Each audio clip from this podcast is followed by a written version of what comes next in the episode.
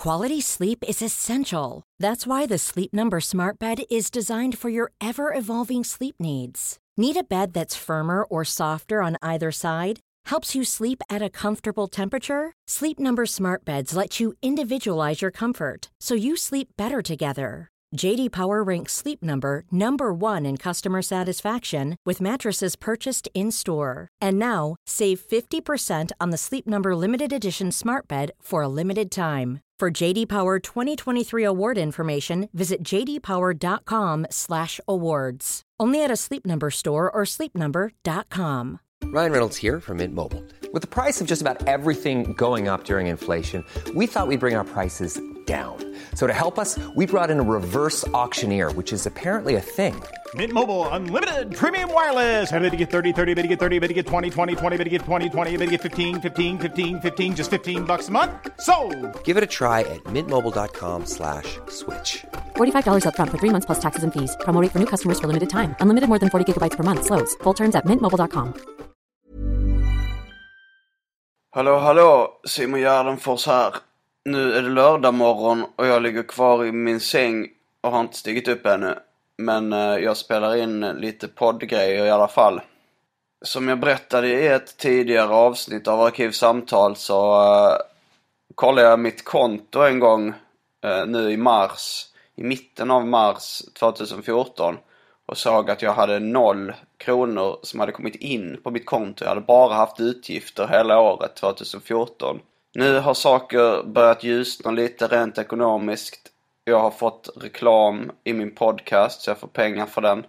Har börjat få lite betalt som stand-up komiker. Och jag eh, har även en sommarhit på gång med far och son. Dubbel Margarita släpps 29 april 2014. Och eh, ja, men jag ska uppträda på Galagofesten också.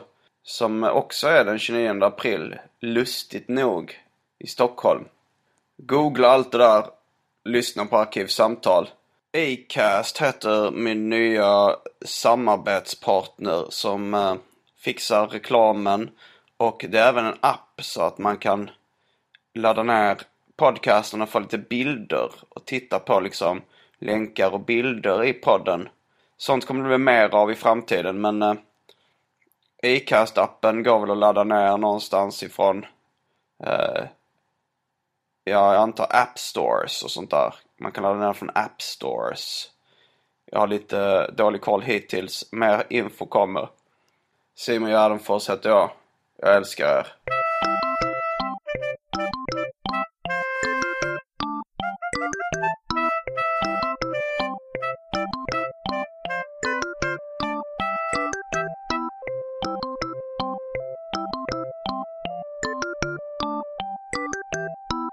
Då säger vi hej och välkomna till veckans avsnitt av Arkivsamtal. Jag heter Simon Gärdenfors och mitt emot mig sitter Jocke Boberg. Yes. Välkommen hit. Tack så mycket. Och det uttalas Jocke och inte Jocke. Eh, det beror lite på. Min tjej är ju också från Skåne så hon säger... Nej hon säger Jocke nu men hon säger Jocke också tror jag. Det är lite ibland. Okej, men det är mest i Skåne man säger Jocke. Ja och gamla människor. Uppfinnar-Jocke. Uppfinnar-Jocke. Du säger Uppfinnar-Jocke. Säger uppfinnar-Jocke. Men du heter numera alltså Jocke. Du har bytt namn till Ja, Jocke som förnamn. Sen 2007 så heter Mm. jag eh, Jocke. Eh, och eh, om du skulle få uppdraget av att presentera dig själv lite kort för lyssnarna som inte känner till dig sen innan. Vad skulle du säga då? Då ska jag vilja säga att eh, jag jobbar med grafisk form och videoproduktion. Men jag kanske är mest känd för sådana här nördar som lyssnar på det här för allt mitt trams som jag har prånglat ut i Sveriges Radio och på nätet i form av eh, musiksabotering och eh, egna alster. Mm. Ja, du, har- du har jobbat med radioprogram. Vad, är det, vad, är det, vad heter de radioprogram på P3 du jobbat mest med? Ehm, jag började jobba med radioprogrammet Rally och sen så har jag jobbat med eh, program som Salva gick i flera år. Sen fanns det program som hette Krypto. Och då gjorde du mashups till dem eller? Ja, alltså det började ju med att jag gjorde... eh, jag började göra mashups i rally. Men då hade precis Mashup kommit från, från eh, England. Det hade precis börjat där. Och min kompis Svante Stadler var först i Sverige med att göra Svantana. Ja, Svantana ja. Han var först i Sverige med att göra eh, mashups med svensk musik. Mm. Och en kort beskrivning av en mashup är för... Jag har en lyssnare som är 13 år. Mm. Skrev han på Instagram. Eh, mashup är eh, egentligen så här att du tar två låtar som inte har någonting med varandra att göra egentligen. Och så skapar du ett nytt, en ny låt av de två bitarna. Och eh, från början så hette det Bastard Pop. För att man skapar en bastard. Så när jag började göra då eh, min version av mashup som var eh, en, ett trams-take på det som Svante gjorde. För Han jag- gjorde mer seriösa mashups. så. Ja, han gjorde kul grejer också. Men han, han, han hade några grejer spelade i radio innan mig. Och jag är alltid lite sådär sabotör. Jag gillar att hålla på fucka med grejer. Så tänkte jag, ja men nu, nu jävlar. Så det blev det så här, Pierre Isaksson, eh, då går jag ner i min källare med Fatboy Slim och sånt. Så totalt trams från första början. Och så höll det på i eh, fem, sex år tillsammans med lite andra grejer på Sveriges Radio. Tills jag tröttnade och bara, äh, nu kör vi nästa grej. Okej, och det var, det var direkt in på rally eller var det något annat program som plockade upp? då var det direkt in på rally från Okej. början. Och rally är ett radioprogram med Peter Apelgren och Anna... Anna Mannheimer, Fredrik Vigreus, eh, Åsa Gustafsson. Som också är scenkomiker. Hon har väl egna shower och sånt där fortfarande. Eh, Peter Apelgren är väl också aktiv. Och jag vet att han skulle köra någon slags rally-revival eh, show nu. Melodi Grand Prix, de har ju en sån här eh, eh, parodigrej på Melodifestivalen som de kör då och då. Ja. Men den, om vi, vi kanske spelar upp ett litet snippet från någon av dina mashups. Vi kan ju börja med att spela upp den som jag tror du är mest känd för. Eh, Alexander Kyckling. Ja, rullar han.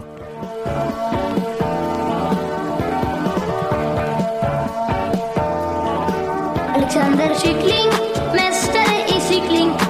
Alexander Kyckling, han vet vad han gör. Alexander Vad har vi att säga om den? Alltså, det, det som är lite intressant med den här är att eh, jag försökte göra en påsklåt. Mm, var det ditt uppdrag från början? Nej, jag har aldrig haft något uppdrag.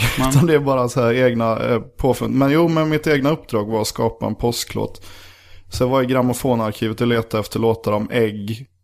Eh, och påsk och sådär. Och då hittade jag Alex- Alexander Kyckling på en Gullan Bornemark-skiva. Gullan Bornemark, bland annat känd för Klas Klättermus Ja. och eh, Hottentott-visan. Ja, just är det. Vaguely racist, eh, vagt rasistisk text. Ja, det är en stor sunkigt klassiker. Eh, Men i alla fall. Eh, Sunkigt kanske vi, vi får bara sätta en liten asterisk där. Sa, jag som serifigur. Asterisk menar jag såklart. Men så att man får förklara vad sunkigt är. Ja, det kan vi väl göra med en gång. Sunkigt är en, en, eh, vad ska man säga, en otrendig klubb för dålig musik. Som var väldigt populär, som fanns i Stockholm i ungefär 13 år. Från eh, 96. Mm, jag var där några gånger. Var det på. Bröderna Olsson alltid? Eller var Ja, det i på... källaren på Bröderna Olssons. En, först en gång i veckan och sen en gång i månaden. Eh, och de la ner klubben för den blev för populär. det, var, det, var, det var för mycket att göra. De brukar ha bejublade uh, julfester varje år. Där det är total eh, kaos.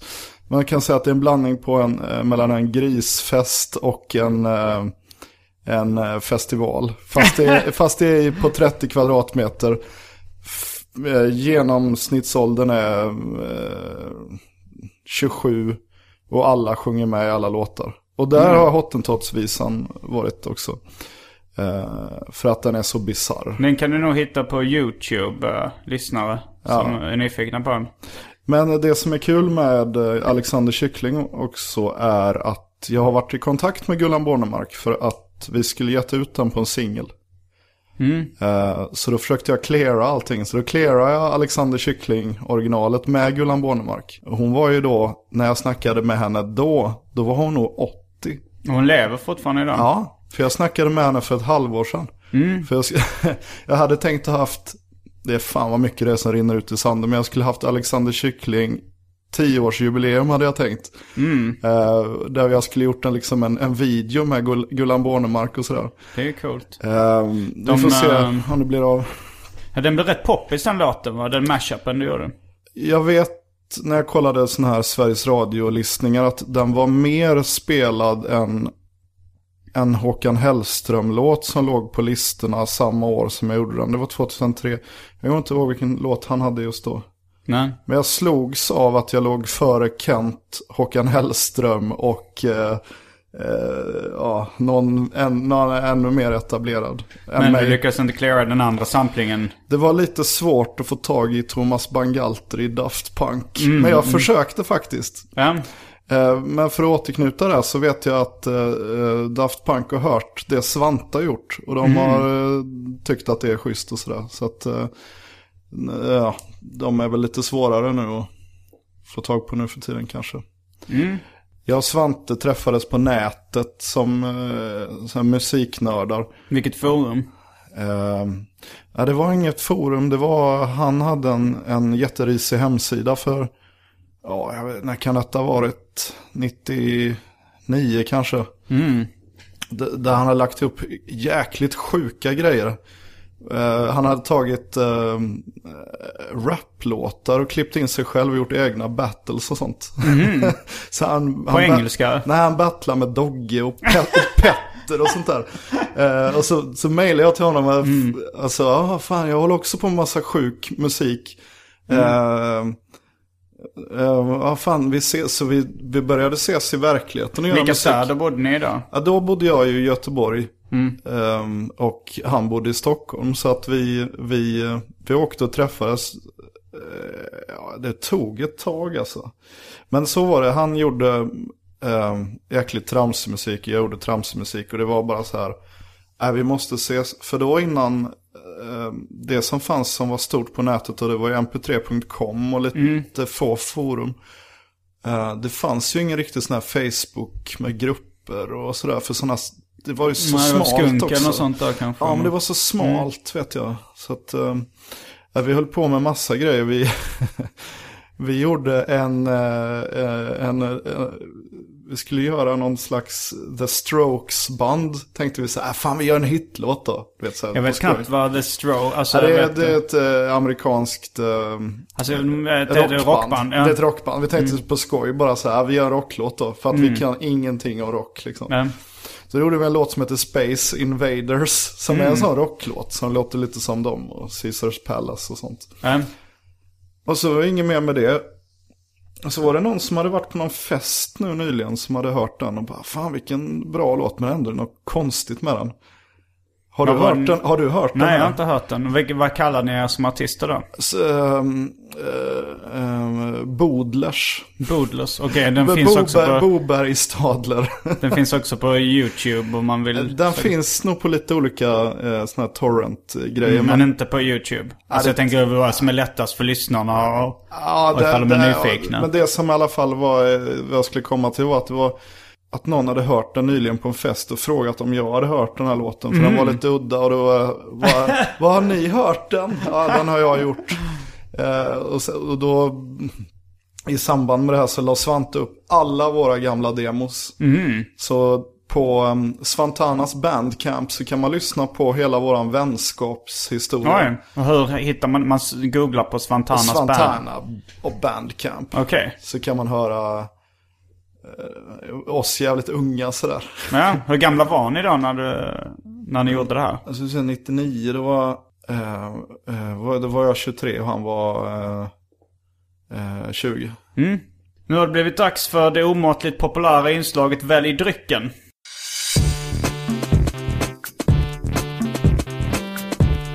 Jag tror vi börjar med det fasta inslaget Välj drycken! Vi kan börja med de lite, lite vanligare inslagen som är läsk. Det finns Pepsi Max och en kvarglömd Coca-Cola som har stått orörd väldigt länge. Avslagen Vera Blåtira, avslagen Coco Bahia. Eh, Carlsberg Export 5.0. Som jag fick från någon eh, kyl i, eh, när jag körde stand-up någonstans. och Som jag inte har druckit upp. Jag vet att du eh, har en förkärlek för eh, ölen Falcon. Det stämmer det. Där finns det många olika sorters stories som vi kan ta upp. Jag tycker du kör allihop.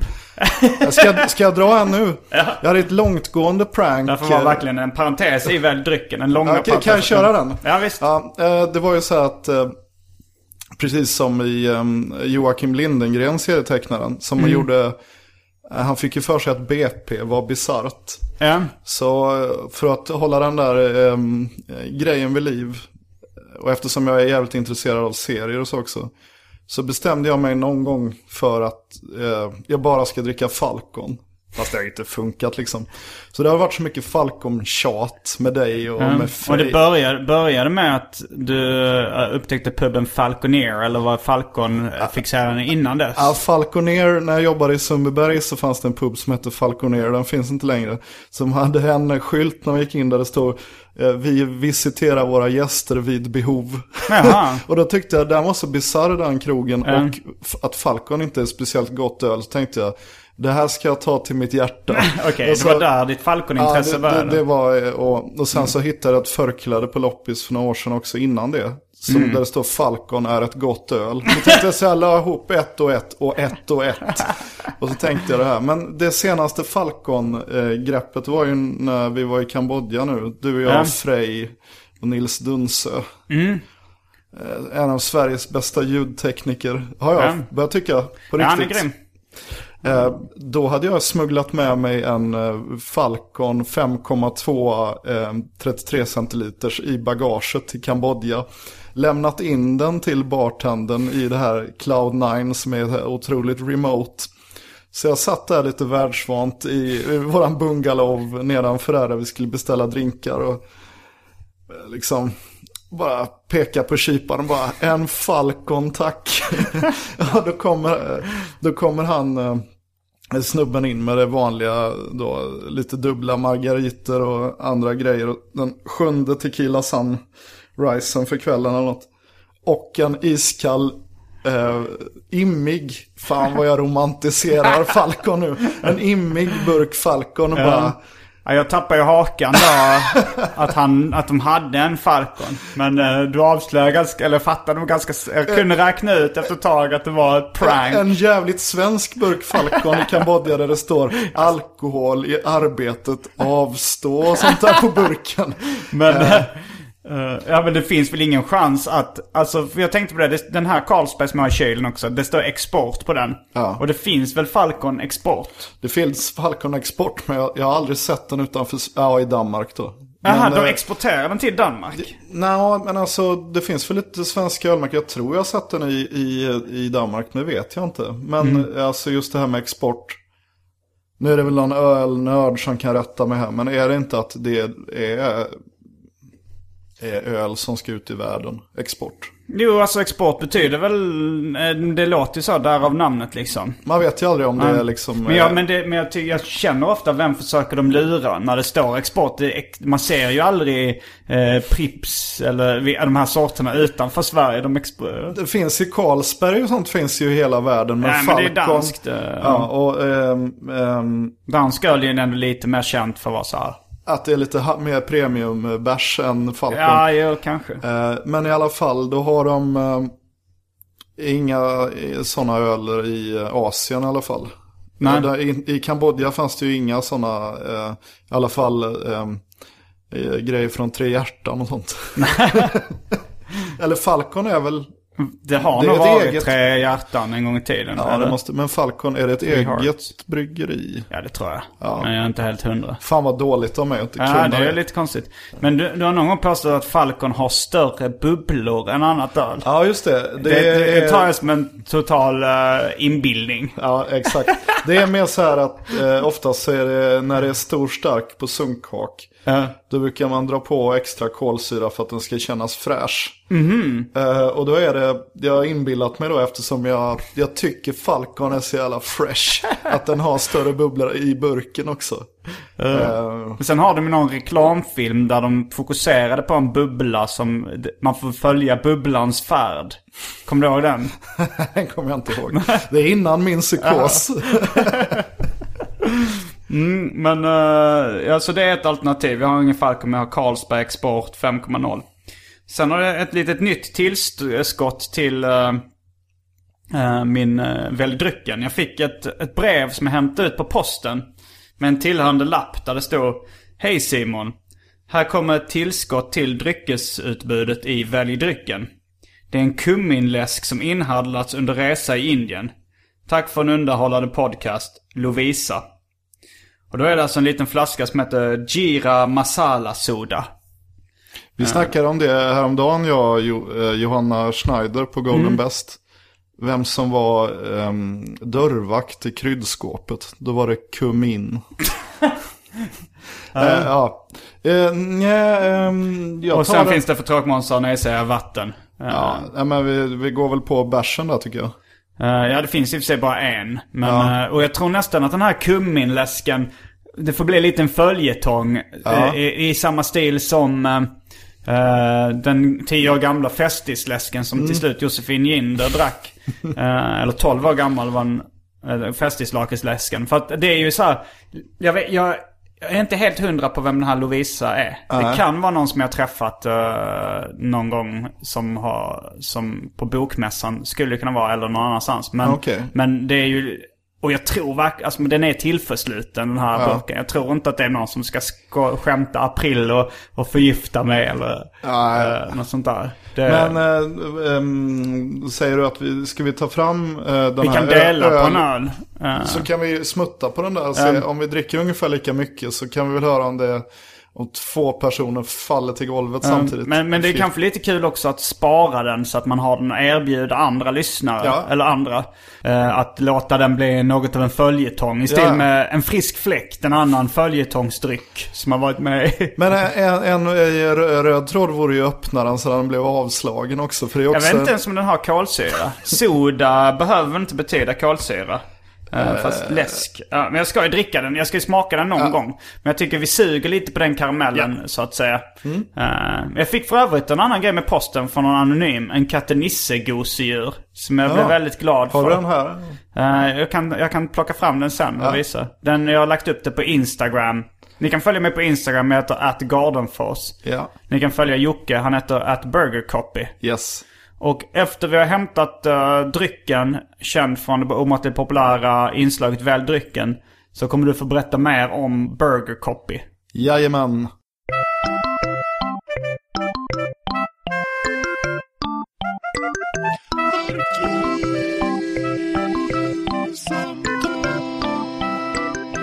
Nu är vi tillbaks med eh, en halv uh, balansöl, skulle man kunna kalla det. Eh, jag drack lite öl igår. Eller en, jag tog in en hink Corona, jag och Anton, när vi var på, på den nya mexikanska eh, restaurangen vid Hornstulls strand. Eh, så det får väl räknas som balansöl här. Men Burger Copy.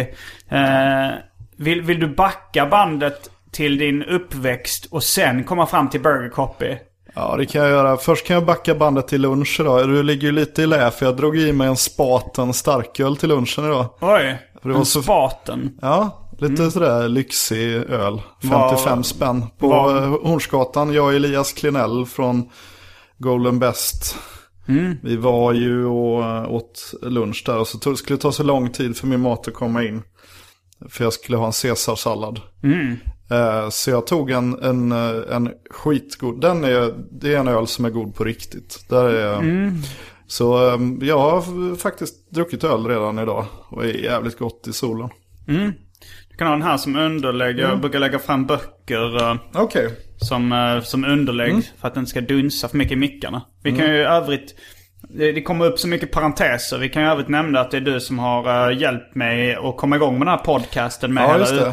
Du gjorde inköpslistan vad jag skulle skaffa för utrustning och, och hjälpte mig med tekniken. Ja, just det. Jag, eh, som en det är bara parenteser här. Det är väl vårt tema idag, men alltså jag har ju hjälpt till och fixat ljudet till fler podcasts. Eller jag är egentligen inblandad på olika sätt i många podcasts.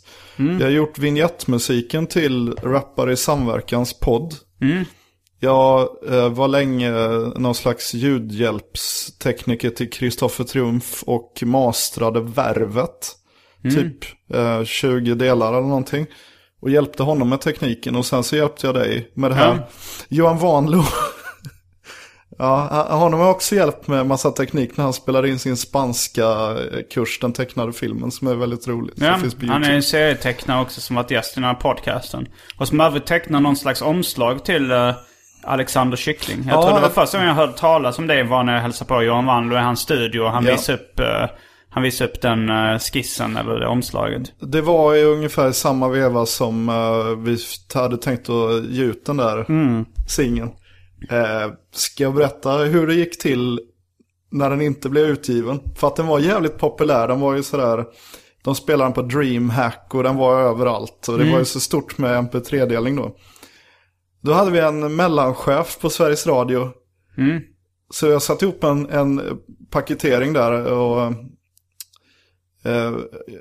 jag kommer ihåg det som, eh, jag kan ha fel men det var ungefär så här. Maila aldrig mig igen. Skrev chefen det? Tillbaka. När du eh, Jag, var, skrev så jag kom med lite förslag eh, sådär hur man skulle kunna göra och sånt där. För den här är... Och det var kanske- hans enda svar var mejla mig aldrig igen. Ja, det var någon sån här... Han svarade aldrig vem är du eller? Nej, men han visste vem jag var och sådär. Men de var inte så pigga på, jag kanske var besparingstider och sånt där. Mm. Men det var väldigt kort.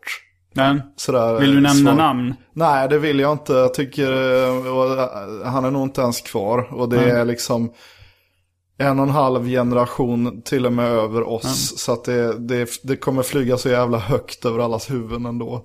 Men eh, det skiter jag ju fullständigt i. Den lever ju sitt eget liv och, och jag menar om jag hade gett ut en CD år 2003, det har ju inte spelat någon roll nu heller. Förutom att du hade varit ekonomiskt oberoende.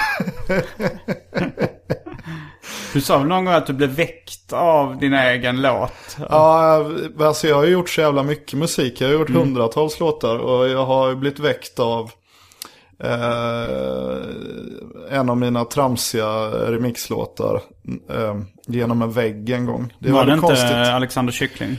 Nej, det var Tommy, en Tommy Tvättbjörn heter en annan remix. Sen vet jag, ja det är så mycket parenteser nu, men jag vet någon annan låt som hade gjort, vilken 17 var Vi det? kommer aldrig lyckas backa det här bandet. Nej, vi men i alla fall, eh, det blir väldigt mashup det här kanske. Eh, det var en annan låt som heter Barbanelli, som är alltså Nelly då. Den här låten. Alltså, Getting Hard In Here. Ja, just det. Och blandat med Barbapapa. En sten som var den tidens gud. Det liknar kan man säga en liten barbapappa.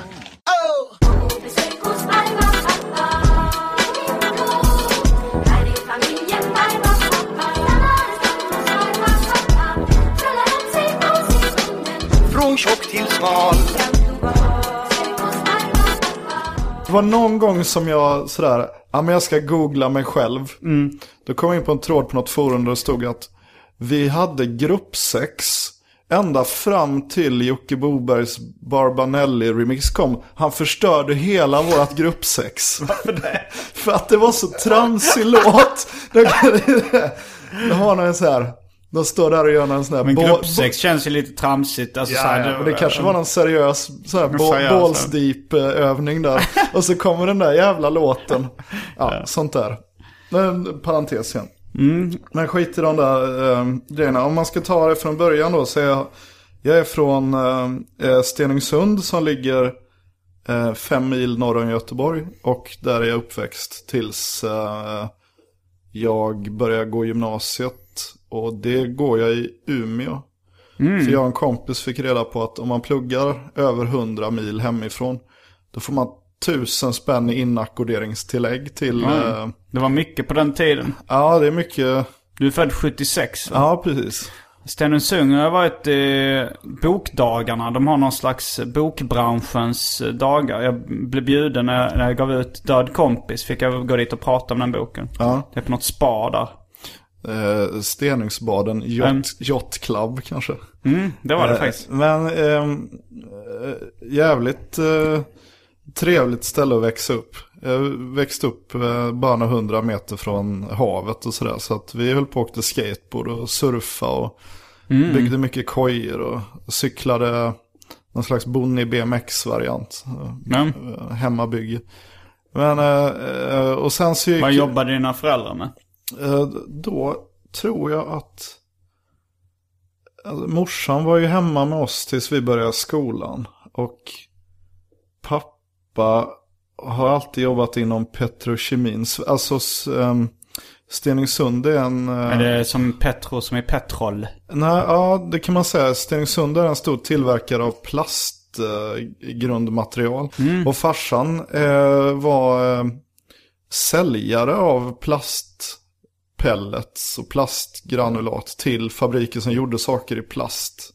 Mm, alltså som de smälter ner. Ja, man säljer... Pellets och Ja, så. Mm. precis. Man smälter ner pellets och så blir det liksom hinkar och sånt där. Och det säljer man till olika delar av världen och så är det olika sorters plast för kablar och sådär. Så att jag eh, fick åka med honom på rätt kul grej en gång. Jag har varit på tubfabriken i Jo. Mm, de Kolla gör att de gör- Ja, det gör de. eh, Och då gjorde de även väldigt mycket aluminiumtuber. Så jag fick ju hem massa sådana här Kalles Kaviar-tuber som inte var förslutna. Så man kunde Mm. ha annat. eh, Hälla i sand och sånt och försluta. Ja, det går ju, alltså det går ju att veckla upp dem. De är ju inte förslutna. Om man vecklar upp en, Nej. en kaviartub eller en mjukosttub så är de inte förslutna. Jag testade en gång för jag hade hört ryktas att det gick att göra. Mm. Jag hade hört ryktas om någon som gjorde en, eh, en pizza i matberedaren. Mm. Och sen så la ner den i en eh, tub. En ursköljd tub. Och sen så liksom hade pizza på tub. Ja. Så jag testade att göra det en gång. Jag tror det var i P3 Populär. Jag tog med mig en sån tub. Ja, det var det. lite... Lite, kanske inte det mest bästa mediumet för att visa upp en sån grej i ljudmässigt. men... Nej men då, då, det vet jag, en sån tub är ju vikt. Och när den är plasttub kallas att den är svetsad. Så då tyckte jag var väldigt vitsigt när jag var liten eftersom jag, eh, jag har en ganska schysst uppväxt sådär. Men jag hade ju alltid en plastfarsa. Fan, jag jobbade på plastfabrik. Så. Du har ord, det är lite det här västkustska, att du har dragit en del ordvitsar redan. Det här är ju, är det SM i ordvitsar som är här i Stockholm? Ja, det är tydligen någon gammal gubbe som vann, som inte är inne i humorsvängen. Att så här, David Sundin som en känd liksom humorist. eh, han kom inte etta, han kom tvåa eller kanske trea eller något sånt där. Ja, ja. Så att det, det, är liksom, det är många komiker som det går bra för. Men, men det är roligt att mästaren är bara en gammal vitsgubbe. Ja, ja. Som inte har någon. Nej men Som det är ju ordvitsar till en det. dygnet runt. En gammal mästare är ju en gammal mästare. liksom. Eh, Men eh, ehm, så eh, jag måste faktiskt säga att jag känner mig mer som en, en, en, ehm, en Stenungsundare i exil. Än, än, en, än en totalt god gubbe i, i Stockholm på något sätt. En bohuslänning känner jag. Ja. Så när, eh, om vi går tillbaka till sin uppväxt, när blev du en kalenderbitare? Ett ord som, eh, eh, jag vet inte, folk idag skulle nog säga mer nörd. Men det kanske inte är riktigt samma sak. Det kanske finns skillnader mellan, alltså så här, det, det, de går ju hand i hand de begreppen. Men, ja. men eh, Jag, jag, jag tror det är för att jag, jag är intresserad av ganska mycket och saker korsar varandra. Eh, sen har jag, jag, har, jag har väldigt lätt för att, att lära mig saker. Och eh, jag läser jättemycket saker. Eh, vad som helst, facklitteratur och skönlitteratur. Fan vad töntigt att rabbla upp. Sen läser jag lite, ja, men jag läser ganska mycket olika saker. Och då, då, då suger man åt sig allt möjligt. Jag brukar köpa böcker på måfå på loppisar. Och bara, jag bara läser grejer för att det är kul. Så dassböcker och sova-böcker. Och jag brukar läsa lite på lunchen och sånt för det är kul. Mycket biografier och, ja, jag gillar också det. och eh, allt möjligt. Romaner och facklitteratur. Och det blir ju liksom att man, man suger åt sig allt möjligt. Dels, jag köper ju så jävla mycket vinyl på loppis också. Där, där läser man baksidestexter om vem som har producerat vad. Ja, just det, han var ju kusin med honom. Och han har ju ett stort flygmuseum i Varberg. Och en trevlig stad. Så här, fan, undrar hur varmt i vattnet där. Och så håller hjärnan på sådär. Och memorerar olika saker. Och så blir det någon slags knas allmänbildning. Och det är väl i vissa då fall kan det väl betecknas som kalenderbiteri och ha, koll på lite udda grejer och så. Men, ja, jag, jag, jag har inte hört ordet så jättemycket men du snackar om att, eller så här, vi har ju David Liljemark har varit med många gånger i den här podcasten. Han kan också räknas lite som en kalenderbitare. Och kanske även Johan Vanlo Ja. som är med där. Jag var ju med i det här ehm, DJ 50 spänn häromdagen. Jag har inte Den- hört eh, jag har inte hört det men jag har hört talas om det. Det är alltså Tommy Jönssons podcast. Där är det att man får 50 spänn så ska man köpa skivor för att spela Ja, ut. just det. Det är en loppispodd där man ska eh, köpa skivor för 50 spänn och, och, och berätta om vad det är. Eh, men Gjorde det, du det eller tog du gamla egna Nej, nej, herregud. Jag är så jäkla noga med, eh, det betyder så mycket för mig eh, att det finns en sån där vinylpodd. Så jag ville göra det riktigt. Så jag, jag hade till och med kvittot med mig och jag hade gjort ett tema och jag hade researchat alla skivorna. Men det farliga där var ju då, med kalenderbyteri-grejen, att jag hade inte researchat så mycket utan jag kunde ganska mycket om de loppisfynden innan. Eh, Är det så om du bara tar en vanlig loppisback och bläddrar igenom så kan du det mesta om de skivorna du Ja, ser? så jag har ju då mer eller mindre levt i grammofonarkivet i, i eh, sex år där. Och innan det så... På Sveriges Radio? Ja, så- I Stockholm eller? vad? Nej, Göteborg. De Mm. hade ju ett grammofonarkiv som var en, en kopia av Stockholm. Där Mm. det saknades eh, eh, nästan all modern musik. Men all gammal musik från, från 40-talet fram till 70 var stort sett lika identiskt där. Men det var bara att du fanns- fick fri tillgång till det grammofonarkivet när du jobbade på Ja. rally och liknande? Ja, precis. Och då, då liksom sög jag åt mig så jävla mycket fakta. Innan dess har jag, vi har alltid hållit på och löst melodikrysset hemma och sånt. Och, eh, och jag, jag har köpt loppisskivor och sånt sen eh, mellanstadiet. Så jag är, jag är jätteintresserad. Jag, jag har haft Stora Dansbandsboken tidigt. Eh, My, Myggans nöjeslexikon har jag alltid stått framme. Så du kan mycket om svenska dansband? Ja, ja visst. Jag har ju, jag har ju koll på det. Och just det här med sunkigt då har ju, Klubb Sunkigt för svajig musik och sånt har gjort att man har tagit reda på mer. Men eh, det är ju, alltså svensk nöjeshistoria tycker jag är kul. Eh, och där är ju dansband en stor del. Eh, inte sån här modern dansbandsmusik utan mer så här folkparks eh, style. Dansband kan ju vara lite allt möjligt för. Men sen verkar du också ha ett specialintresse för eh, alltså könsrock och, och könsrocken och dess föregångare. Ja, ja. Alltså det är också nöje. Jag, jag gillar ju all sån där... Jag gillar citatet Det är ju också nöje. det är det. ja, det är klart det är nöje. det, Men- det men alltså, så- Man kan bli så jävla stött ibland när det inte får vara finkultur. Utan man bara kallar det för nöje. Det var som jag jobbade med en tjej från Iran. Mm. Då sa han så... Ah, bara, what do you do? Uh, um, uh, music och sådär. Mm. Oh, I love the arts. Och jag bara, eh, i Sverige är inte musik konst. I Sverige är musik underhållning. Ja, nöje och underhållning. Jag det är roliga, det låter bättre. Kulturarbetare låter så tråkigt. Men om man säger att man är i nöjesbranschen så tycker jag det Ja. låter lite, lite buskis och Men, lite alltså, fräckt. men utomlands är ju då, det kan det ju vara dans, måleri, musik, Ja, the konst, arts, the ja. arts. Ja. Och jag bara, vilken... Nej men alltså det, det är nöje. Mm. Men Johnny Bode är ju ett intresse som vi har uh, snackat om. Det, både jag och du har varit... Mm. lä- Jag har ju läst biografin om Johnny Bode och uh, lyssnat en del på hans musik. Det är en föregångare inom könsrocken. Ja, alltså det är ju så här. ehm, min farsa är ju en riktigt stor skämtare och gillar liksom skoj och sådär. Eh, och eh, han har haft sån där musik eh, sen jag var liten. Eh, och eh, jag har hört Johnny Bode och jag har hört... Han är mest känd för, han kanske är mest känd för låten eh, Runka mig med vita handskar och Ja. Bordellmammans visa. I, Bordell, i, I vår visor. tid, men hans största hits eh, var ju då Spinnrocken. Det var, det var ingen... eh, På 30-talet. Okej, så det, ja, det, var in, det var innan han började göra Ja, ja, snuskmusik. alltså han började göra snusklåtar när han var alltså över En man 60. i frack eller vad det var också. Ja, han gjorde, han gjort en herre i, En i herre i frack. frack. eh, i, till eh, den- Gösta Ekman, den äldre. På, på 30-talet där. Till en, eh, någon slags nöjesrevy. Det var, det var hans ehm, största hits där. Spinnrocken och en herre i frack. Och sen så har han levt på att skriva låtar åt alla möjliga. Eh, vi ska ju inte eh, köra hela Johnny Bode-grejen här. Men han har haft så fantastiskt bra pseudonymer. Dels har han haft sådana här bra pseudonymer som Eh, Johnny Delgada brukar vara väl en av hans mest vanliga. Ja, ja, visst, han var ju mytoman också, så han sa att han var från Delgadaöarna. Det var inte bara påhitt. Men eh, nu kommer jag inte på det, här. vad är det andra? A. Andersson. och, och liksom Rickard Ritzi och sånt där. Bara såna här platta grejer som Um, inte... Fan, det är skitcoolt att kalla sig för A. Andersson. Um, Som ett rapnamn eller något. Ja, Andersson. Ja, Ja, det, det är hans rapnamn är rätt coolt. Det är har, ju du, ingenting. har du läst någon av hans... Har han skrivit en eller flera romaner?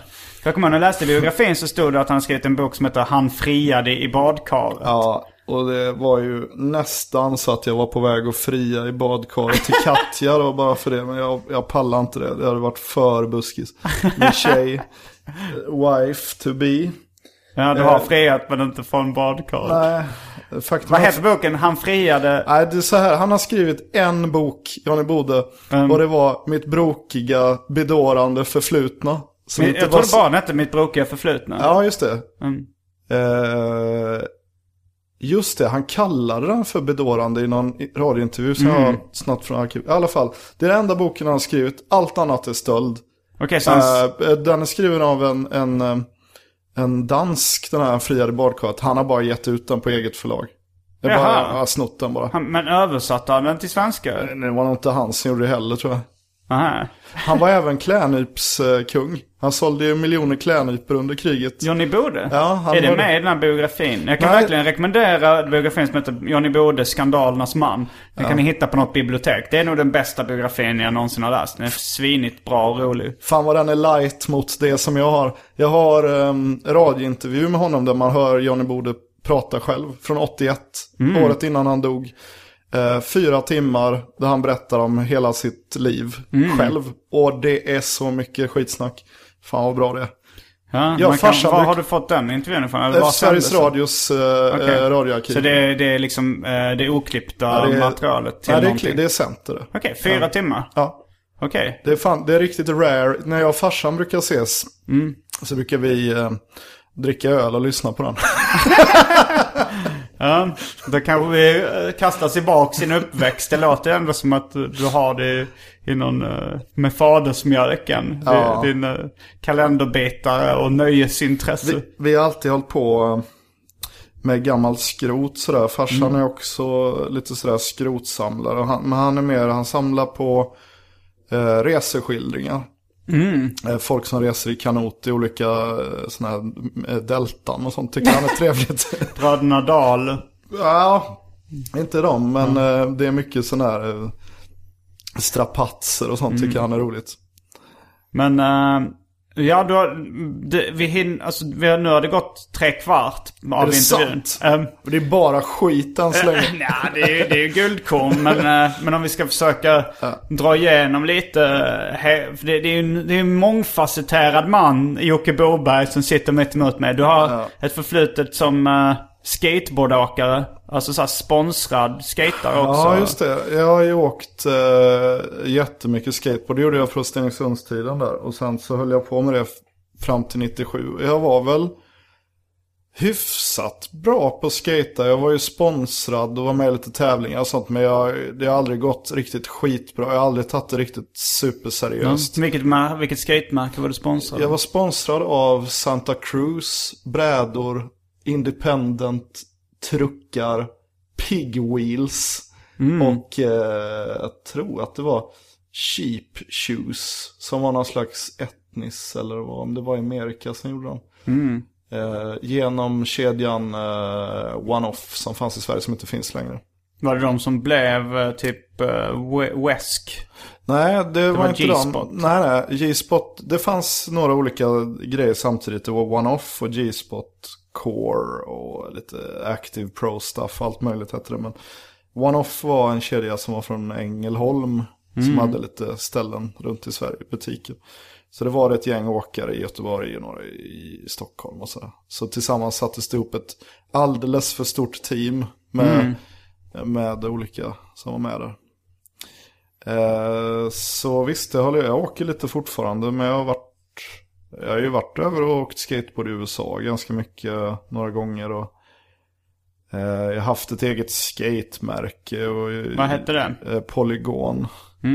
Eh, som eh, gick bra och sådär. Och i, i sann eh, eh, min egen anda då så eh, la ner det när det funkar som bäst. Och det var som Du roligast. tycker man ska sluta när man ligger på topp? Ja, det ska man, Man ska verkligen- gå när det är som roligast. Det är en Ja. ganska konstig inställning egentligen. Ja, men det funkar ju. Ja, det kanske det gör. Man vet ju i och för sig aldrig hur, hur kul det kan bli då. Eller hur bra det kan bli. Ifall man, man, man vet ju aldrig var toppen är riktigt. Man skapar ju aldrig någonting riktigt dåligt. Man hinner ju inte det. Nej. ja, man kan inte hinna uh, låta det gå ut för. Nej. Men eh, nu för tiden så gör du mycket musikvideos. Du har bland annat gjort uh, videon till Mr Dubbel Margarita som är far och sons nya singel som kommer släppas förmodligen samtidigt som den här uh, podden släpps. Ja, just det. Alltså jag, låten kommer släppas, sen kommer videon kanske en vecka senare eller någonting. ja, jag har ju hållit på mycket med eh, grafisk design och jobbat som eh, webb eh, art director och, och grafisk formgivare på olika sätt. Och är mer eller mindre småtröttnat på det gått över till eh, motion graphics och videos och sånt där. För att då är det både musik, ja det är allting i ett. Det är musik, det är rörlig bild, det är grafik och eh, ljudläggning. Och jävligt roligt sådär. Så jag har gått över till det. Eh, så jag, jag har gjort några musikvideos och lite eh, klipp och sådär. Och nu har jag en egen grej på gång. eh, jag ska starta en liten kanal på YouTube. Med egna program tänkte jag. Där jag ska... Ett tv-program. Ja, men jag får nog återkomma om det. För det är inte riktigt klart. Det låter spännande. Men har du några andra strängar på din lyra nu när vi gått igenom så här, eh, mashup-skapandet, videoregissör, eh, skatare eh, och tramsmusik. Tramsmusiker har vi nog inte gått igenom mest som samlare och som mashup-artist. men nej, du har gjort alltså, lite egna... Jag har gjort väldigt mycket egen musik. Det finns ehm, på nätet. Det finns en jättestor torrent på Pirate Bay till exempel, vet jag. Som någon har gjort. Men det som jag tycker är roligt det är att hålla på och sabba musik mest. Mm. Och nu håller jag ju på mycket med det här, eh, mitt eh, Swedish Vals Mafia-projekt. Ja, just det ja. Som är ehm, att eh, med ett skript som Svantana har gjort. Gör om eh, musik i fyra fjärdedelar till tre fjärdedelar. Eh, Och bara för att det är kul. Och det är kul att paja musik. Och du har en Soundcloud-sida där du lägger upp mycket sånt. va? Ja, jag har en Soundcloud-sida som heter Swedish Vals Mafia. Och sen har jag en Jocke Boberg Soundcloud-sida. Jag är med i lite andra band också. Videolook. Vi ska spela i Berlin i juni. Vad är det för sorts ett, musik? Ett, ehm, ett new wave uh, syntband med naiva svenska texter. Det finns också på Soundcloud, snedstreck videolook. Vi har precis gett ut en vinyl-LP. Mm. eh, Fått kulturstöd och eh, eh, gjort en, eh, en fullängds-LP. Som är 45 minuter lång. Jävlar. 12 låtar. Svängde ihop. Jag kommer ihåg eh, när jag var hemma hos dig någon gång och liksom kollade igenom din samling av, av eh, underhållning och gamla skivor och så här. Så slog det mig liksom att du hade ju ganska mycket sån här alternativa komiker och, och musiker och sådär. Och, ganska mycket speciella och konstiga grejer. Och sen så när jag, men när jag frågade om vilka dina favoriter var bland svenska underhållare liksom, eller komiker. Så nämnde du ändå eh, Lasse Åberg och Sven Melander. Ja, Vilket jag tyckte var intressant för de är ju ändå ganska kända. eh, men eh, eh, de är ju kända av en anledning. jag fattar inte skämtet där. Men ja, du menar att de är kända för att de är så bra? Eller vad det, ja, vad det, så, vad det, så, så här är det. Det finns ingen ironi i det. Jag tycker. Lasse Åberg är skitbra. Eh, men han har gjort de senaste filmerna han har gjort det. Jag tror inte att det är han. För Har du sett The Stig Helm Story? Jag har sett allting. Och det bästa var att jag, jag, det, det bästa är det att eh, Lasse Åberg. Har du sett allt som Lasse Åberg har gjort? Alltså alla, alla tavlor, alla Jag har ju varit på museet i Bålsta. Ja, det här hans museum om jag får be. Han eh, är ju polare med, eh, eh, när han gick på Konstfack så var han polare med en konstnär som heter Stryver och hans son känner jag. Mm. Så att genom det så har jag bara så här, hmm, jag måste kolla upp vad de gjorde. Och de gjorde jäkligt mycket eh, svartvita filmer tillsammans. Och de har gjort en Sällskapsresan-film på 70-talet innan första Sällskapsresan. Aha, de- redan innan repmånad också? Ja, där de är i fjällen.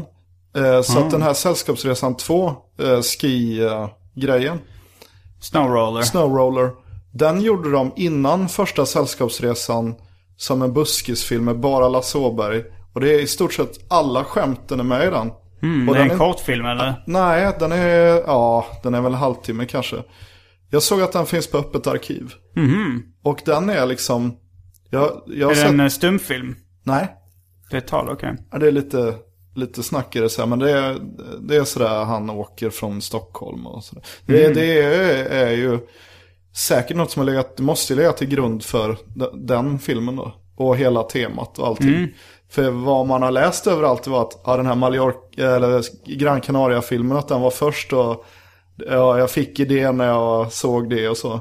Men jag har ändå gjort Snowroller-filmen flera år innan. Mhm, Men den var, den var inte riktigt... eh, den var kortare och inte... Jag tror att man skulle kunna göra en sån här, man lägger dem sida vid sida och plockar ut scener som är likadana. Jag, det var roligt, jag kom på att jag tänkte på det ganska nyligen. Jag, jag trodde inte att folk var skådespelare när jag var liten. Aha. Jag trodde att det var att man bara hade filmat eh, folk när de var lite roliga. Några var liksom så här, bara lite roligare. och, och att det var liksom... För de här, Sven Melander och de, de var ju liksom inte så utbildade. Han var ju gammal journalist. Ja, Och då han var ingen jag, utbildad skådis. Nej, och då trodde jag att alla andra var det där också. För det var ju så halvbra alltihop. Så jag trodde att de bara var, att de gjorde liksom nyheterna och sånt. Och att de bara hade gjort eh, Nöjesmassakern och sånt. Att det bara var liksom, att de bara hade gjort det där. Jag, jag trodde inte att han Jon Skulmen och det, att jag tror inte att han var skådis. Nej. Jag tror att han bara var på besök och var norrman. liksom så, så, här, jag, jag, jag, så det jag slog mig häromdagen vad mycket sådana där eh, grejer jag funderade ut när jag var liten som... Eh, jag, jag följde inte upp det, jag trodde för givet att nej, men så är det nog. Eh, med just de grejerna. Men sen med- när du började läsa biografier måste du ju ha fått Ja, eh, ja inblick visst, men det var mycket sådär. Jag, jag fattade inte, när jag bodde där i Stenungsund och var liten och Mm. det bara fanns Sveriges Radio och Sveriges Television. Jag förstod inte riktigt hur, hur eh, sån media, hur mediavärlden var. Nej. Det var nog inte så många Men hur som- hamnade... För Sven Melander, han fick väl sitt genombrott i Sällskapsresan 1? Eller? Eh, han var väl med, ja, var ju med repmånad var han Var han inte? det? Det hade Nej, varit- det var han inte. Jag bara undrar hur, hur han hamnade i Sällskapsresan 1. Det kanske är en annan Jag, podcast. t- jag tror men- att han är med i 47an Löken blåser på med, eh, som Lasse Åberg har gjort, där han är general Pan Rish. Eh, men jag är inte säker. men. Men i alla fall, jag tycker att de har gjort... Det finns ingen som gör motsvarande saker idag, så det är väldigt... Jag tycker lite, lite taskigt att bara avfärda dem som att de inte är bra. För att de har gjort... Jag tycker eh, speciellt, alltså jag tycker Sällskapsresan 1 är en av de bästa svenska, bästa komedin som jag någonsin har gjort. Och jag tycker ju Sven Melander är den som gör den, alltså han är bäst i den filmen. Så att de har ju gjort bra grejer. Men Lasse Åberg har ju gjort väldigt mycket dåligt också. Ja, men det är... Det är, de gjorde väldigt mycket coola grejer där ett tag. Och jag har inte sett någon göra någonting liknande. Killinggänget har jag varit inne lite på sådär, men det, det har inte varit lika folkligt. Nej. De hade ju riktigt bra koll på att göra folkliga grejer. Det är ju någon slags blandning av... Alltså det är inte Stefan och Krister och det är inte elithumor som bara få förstår. Utan det är så här riktigt brett. Ehm, Och jag har alltid haft stor respekt för det. För det är alltid svårast att göra. Det är svårast att få en svensktopp- svensktoppshit. är det den? Och det är lättast att göra en indie-singel. Ja, jo, det kanske det är. Men... Eh, och däremellan är det ju bara så här eh, halvvägs. Jag, jag, jag gillar det här när, det blir, när man får till någonting som är riktigt brett. För att det är, det är skitsvårt.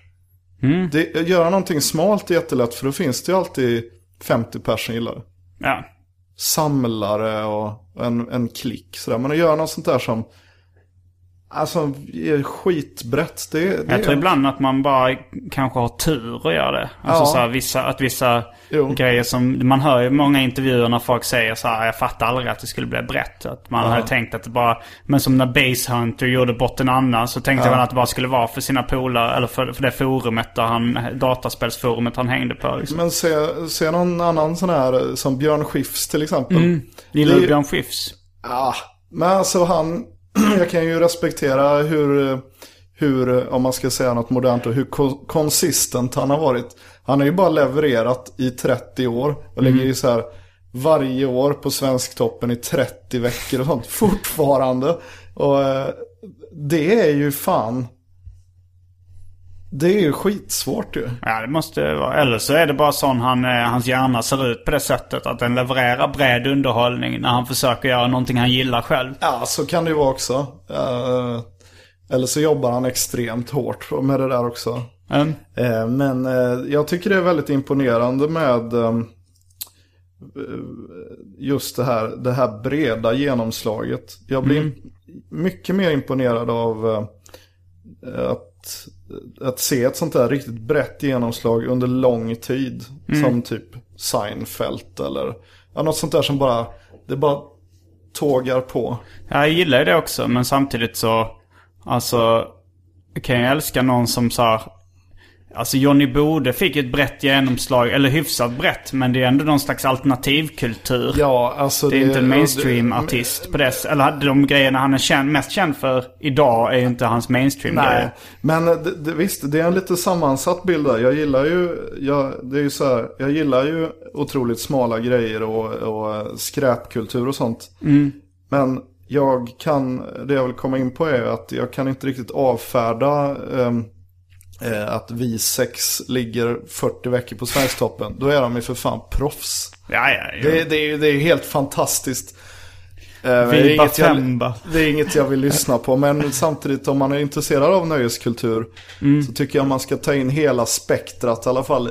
Lite grann sådär och bara. Ja, vad Mm. gillar folk? Det är rätt intressant sådär. Även om man inte behöver lyssna på det själv. Så. Jo, nej, men jag kommer ihåg när jag eh, började med hiphop på allvar. Eh, och hängde mycket på WoW, det hiphop-communityt. Då var det rätt mycket indie, hiphop, alternativmusik. Eh, men man insåg ganska snabbt att det mest, det mest nyskapande fanns nästan inom mainstream hiphopen. Och sen så hakade indievärlden på på något sätt. Att det var så här eh, Timberland och Pharrell Williams som var de kanske största producenterna då. Att de var väldigt nyskapande och gjorde det liksom inför en miljonpublik. Medan alla alternativartister, eller de flesta så underground-artister bara var kopierade liksom och gjorde varianter av, eh, av det. Mm. när, vi, när du kom hit innanför dörren så sa du att du har väldigt mycket att stå i just nu. Jag kom på mig Vad själv att jag, jag, jag garvar som fan i taxin. För jag, jag, har, jag gör så mycket grejer samtidigt nu så då börjar jag göra den här, det här sån här krogklassiker. Mm. Att jag slår in eh, totalbeloppet eh, är så här 4, 7, 6, 9. Ja, vänta, nu slog jag in kod. Alltså man slår in koden Jaha. som totalbelopp så det blir så här 5000. Avslöjar du just nu din bankomatkod? Nej, såklart inte. Så är andra nummer. Eh, Men eh, jag tog taxi hit för dels har jag så mycket att bära. Jag håller på att flytta. Jag håller alltid på att bära runt på massa studiogrejer och sånt. Och eh, dels så höll jag på att inte komma hit i tid. Så att jag lyxat tog en taxi hit. Jo men eh, både du och jag gör väl, har väl liksom extremt många uh, järn i elden, bollar i luften, strängar på lyran just nu. Ja, men grejen är ju den att om man jobbar, eh, man har eget företag och är lite i nöjesbranschen och gör lite sådana här saker som vi gör. Om man inte då ska leva på någon sån här, ett helt och hållet jättetråkigt liv, då får man ju jobba jättemycket för att det ska gå ihop. Är Eller om man har, om man, ja, det är så, det, jag tycker det är svårt att eh, dosera. Som uh, Hem och Skola varnar för i, i knarksammanhang. Ja, ja. Nej, men det är så svårt att veta för nu blir det att man tackar ja till allt som verkar kul. Och hittar på en massa egna projekt som är roliga också. Men Sen så är jag ju sån entusiast i det jag gör. Som till exempel nu så gör jag ju eh, den här vi- videon Dubbel Margarita som kanske är ute nu när det här kommer. Och då snackar vi så här för att i den videon så är det massa grafik. Eh, Så var jag förbi Golden Best nu i tre timmar. Det är skivbolaget som släpper Ja, precis. Och i, och i källaren på Golden Best så ligger Burger Copy, videoredigeringsstudion jag har. Och det var så här, "Ah, just det, Simon ville ha lite mer grafik i videon. Ja, men jag ska bara fixa det.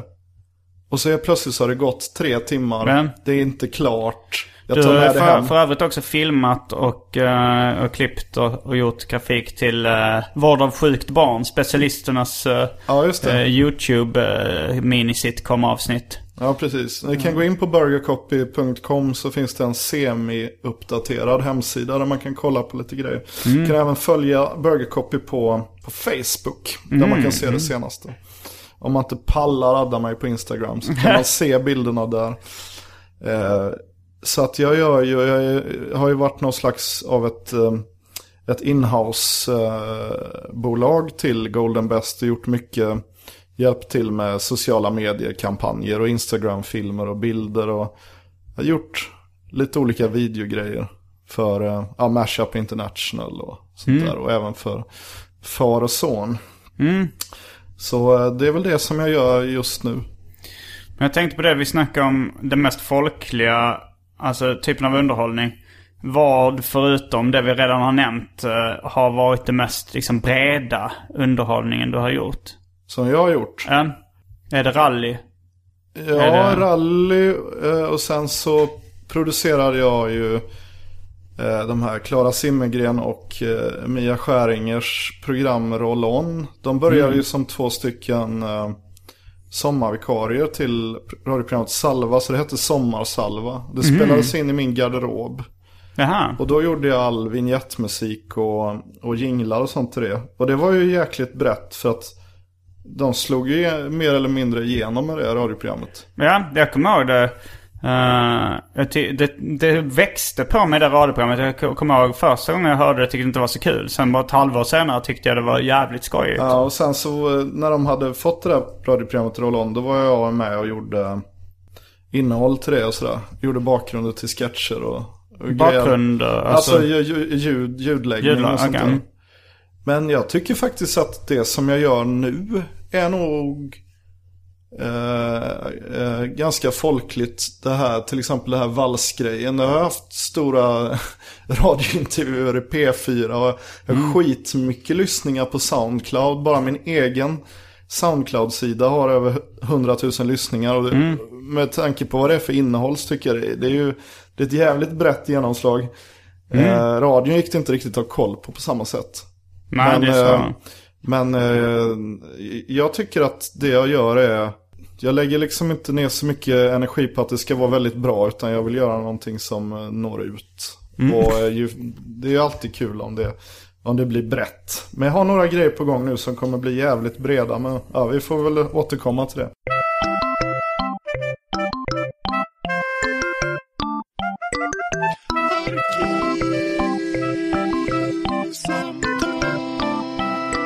Jag måste faktiskt säga att det har varit fantastiskt att växa upp på ett ställe där det egentligen inte finns någonting. Jag har totalt snöat in på serier och skräpkultur i marginalen för det fanns ingenting annat. Nej. Men sen så öppnade någon slags eh, eh, liten skivaffär. Då tog de bara in den senaste hiphopen direkt. Ah. Så från typ 83, 84 där. Så började jag köpa eh, hiphop-LPs. Så jag lyssnade på hiphop så här svintidigt. Samtidigt som jag samlade på loppisskivor. Och upptäckte att de hade använt delar ur musik. Så jag började fatta det här med sampling och sånt. Och det var så långt innan jag, eh, när jag kunde göra någonting. Jag vet jag önskar mig en bandspelare med pausknapp. För att, att kunna göra typ eh, egna mixar. Och, och liksom, jag fattar ju att det gick. Då fick jag en bandspelare utan pausknapp. Oj jävlar. Men stoppknappen går Bara att använda? stoppknapp. Ja. Ja, men det blir så risigt. då. Det är ju det att nu då när jag har möjligheter att göra vad jag vill. Mm. Jag kan göra tv själv liksom. Då är det ju, det går ju knappt att gå och lägga sig liksom. Och samma som jag snackade med våran kollega Frej Larsson där. Att vi snackade om det, nu, har, nu, har, nu är ju bondjävlarna i stan. Det är ju bara fullt ös på alla som har flyttat till Stockholm. Ja, ja. De flesta som eh, nu ska jag inte generalisera för hårt men jag tänker ändå göra det. att de som är uppväxta här, de har haft tillgång till så mycket kulturliv och museer och grejer. Som är lite loja sådär. Ah, det, vi får se. Lite Jo, mer. Man blir så lite bortskämd. och så kommer det folk från hålor och det ska startas podcasts och tv-grejer och fanzines och allting. Jo. Men jag tänkte på det när, när den första liksom subkulturen jag blev en del av var nog eh, fanzinkulturen, liksom seriefanzinkulturen. Och då var det så här, det fanns kanske eh, 20-30 eh, amatörserietidningar i Sverige. Och jag tror ingen av redaktörerna eh, kom från Stockholm eller innerstan. Det fanns någon från kanske Haninge eh, och sådär. Saltsjöbo fanns det. Ja, ja. Men, men det var ändå liksom väldigt dominerat på landsbygden och riktiga, liksom riktiga hålor. Ing, det var in, inte mycket från Göteborg eller Malmö. Det var Nej, liksom Hjärup och, det är och inte- Sunne och... Det är inte så vanligt att folk flyttar från västkusten till Stockholm. Nej. Men det roliga är att Stockholm är ju, det finns, här kan man ju få saker gjort för här finns ju mycket verktyg för att få saker gjort. Men det verkar som folk flyttar hit, gör grejer och så, så håller det på. Mycket. Fan vilken, eh, vilken, det känns som en sån här halvbra eh, säck ihopsknytning där av ämnet. Men jag, jag tror det. Bondjävlar får mycket gjort i Stockholm. Ja. Det, men det är ju hälften av alla stockholmare är väl inflyttade dessutom. Ja, ja, ja. Det så är det väl. Jo, nej men det, det har jag faktiskt eh, tänkt på också. Men, eh, men, men samtidigt så är det ju liksom i, det är ju de från landsbygden som flyttar som är ofta de som är mest kreativa också. Alltså, eller, men det är ju tråkigt att vara kvar i... Vilket är liten- jävligt coolt för att landsbygden blir bara ännu bonnigare. Nej, så kan men- man dra dit så det är fan skitbonnigt. Brain drain. Nej, det finns jävligt mycket eh, coola folk som håller på och slöjdar ihop saker i, eh, på tomten. Jo, på gården. så är det ju. Men eh, förmodligen så kommer de väl flytta när de eh, Ja. Blir lite äldre ifall de vill. Fast nu så tror jag, i och med internet och sånt så slipper man ju flytta också lite. Ja, man kan sitta är- kvar. Vi, vi får se hur det går med allting här. Men det finns nog lite plan mot, från, eh, att eh, flytta från Stockholm inom, ja, inte jättesnart men eh, jag är väldigt sugen på att ha ett eget ställe. Liksom, Mm. Där man kan bygga en större studio och ha lite större, lite land. Det Liksom. var, vad, vad hette Ronka Studios som uh, Eddie Meduza studio? Eller vad hette Hur fan vad tragiskt. Eh, Jag såg ju där någon som kallade sig för eh, Berit Furu. Som hade gjort en, en timmas dokumentär om eh, Ed Meduza, en egen. Inte Eleganten från vidderna som är den officiella, eller halvofficiella. Utan det här var någon indie-dokumentär om honom. Och då var de och besökte Studio Ronka efter han hade dött. Och det slutade med att han bodde i Studio Ronka. Den här Som- dokumentärfilmaren? Eh, nej, alltså Ed Meduza bodde där. Um, Innan han dog i Studio Ronka som var övervåningen på hans hus. Eh, och eh, det var ju bara en säng och så var det ett, ett rum som var liksom 10 kvadratmeter som var eh, tapetserat med Expressen-sidor. Mm, om Eh, honom. Nej, bara som istället för tapet. Och så Aha. var det så en, en jävligt risig hemstudio. Men han har ju haft, den riktiga Studio Ronka var ju någon slags uthus ett låg. Studio Ronka? Eh, Jag antar att det betyder runka. Att Ja. det är det. Mm. Det, det var ju mycket i texterna. Nej men det var ju utanför Växjö. Höll han till. Så han var ju så här. Utanför Växjö. Men, men jag tänkte på den här, alltså han sjunger ju Runka Balle. Ja. Men sen heter studion Ronka. Han sjunger, i, han sjunger alla varianter på runka. Han sjunger runka, ronka, ronke. Och jag har hört några låtar han sjunger Rinket i Billy. Det ska vara så här den norska, ja, det, är så, det är så extremt tramsigt. Uh, äh, skitsam. Jag tycker vi avslutar med Rinket i Bille. Ja, det, det, det är fin kultur. Och med de orden så avslutar vi veckans arkivsamtal. Jag heter Simon Gärdenfors. Jag heter Jocke Boberg. Fullbordat samtal. Yes!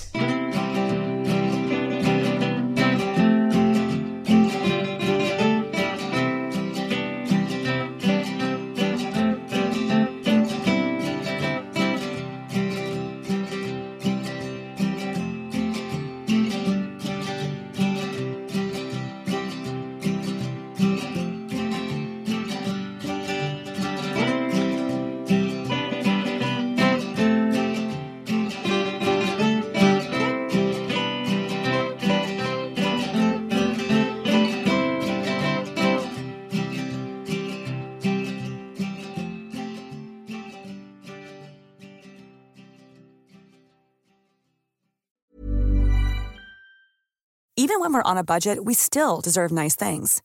Quince is a place to scoop up stunning high-end goods for 50 to 80% less than similar brands. They have buttery soft cashmere sweaters starting at $50, luxurious Italian leather bags, and so much more. Plus, Quince only works with factories that use safe, ethical, and responsible manufacturing. Get the high-end goods you'll love without the high price tag with Quince. Go to quince.com/style for free shipping and 365-day returns.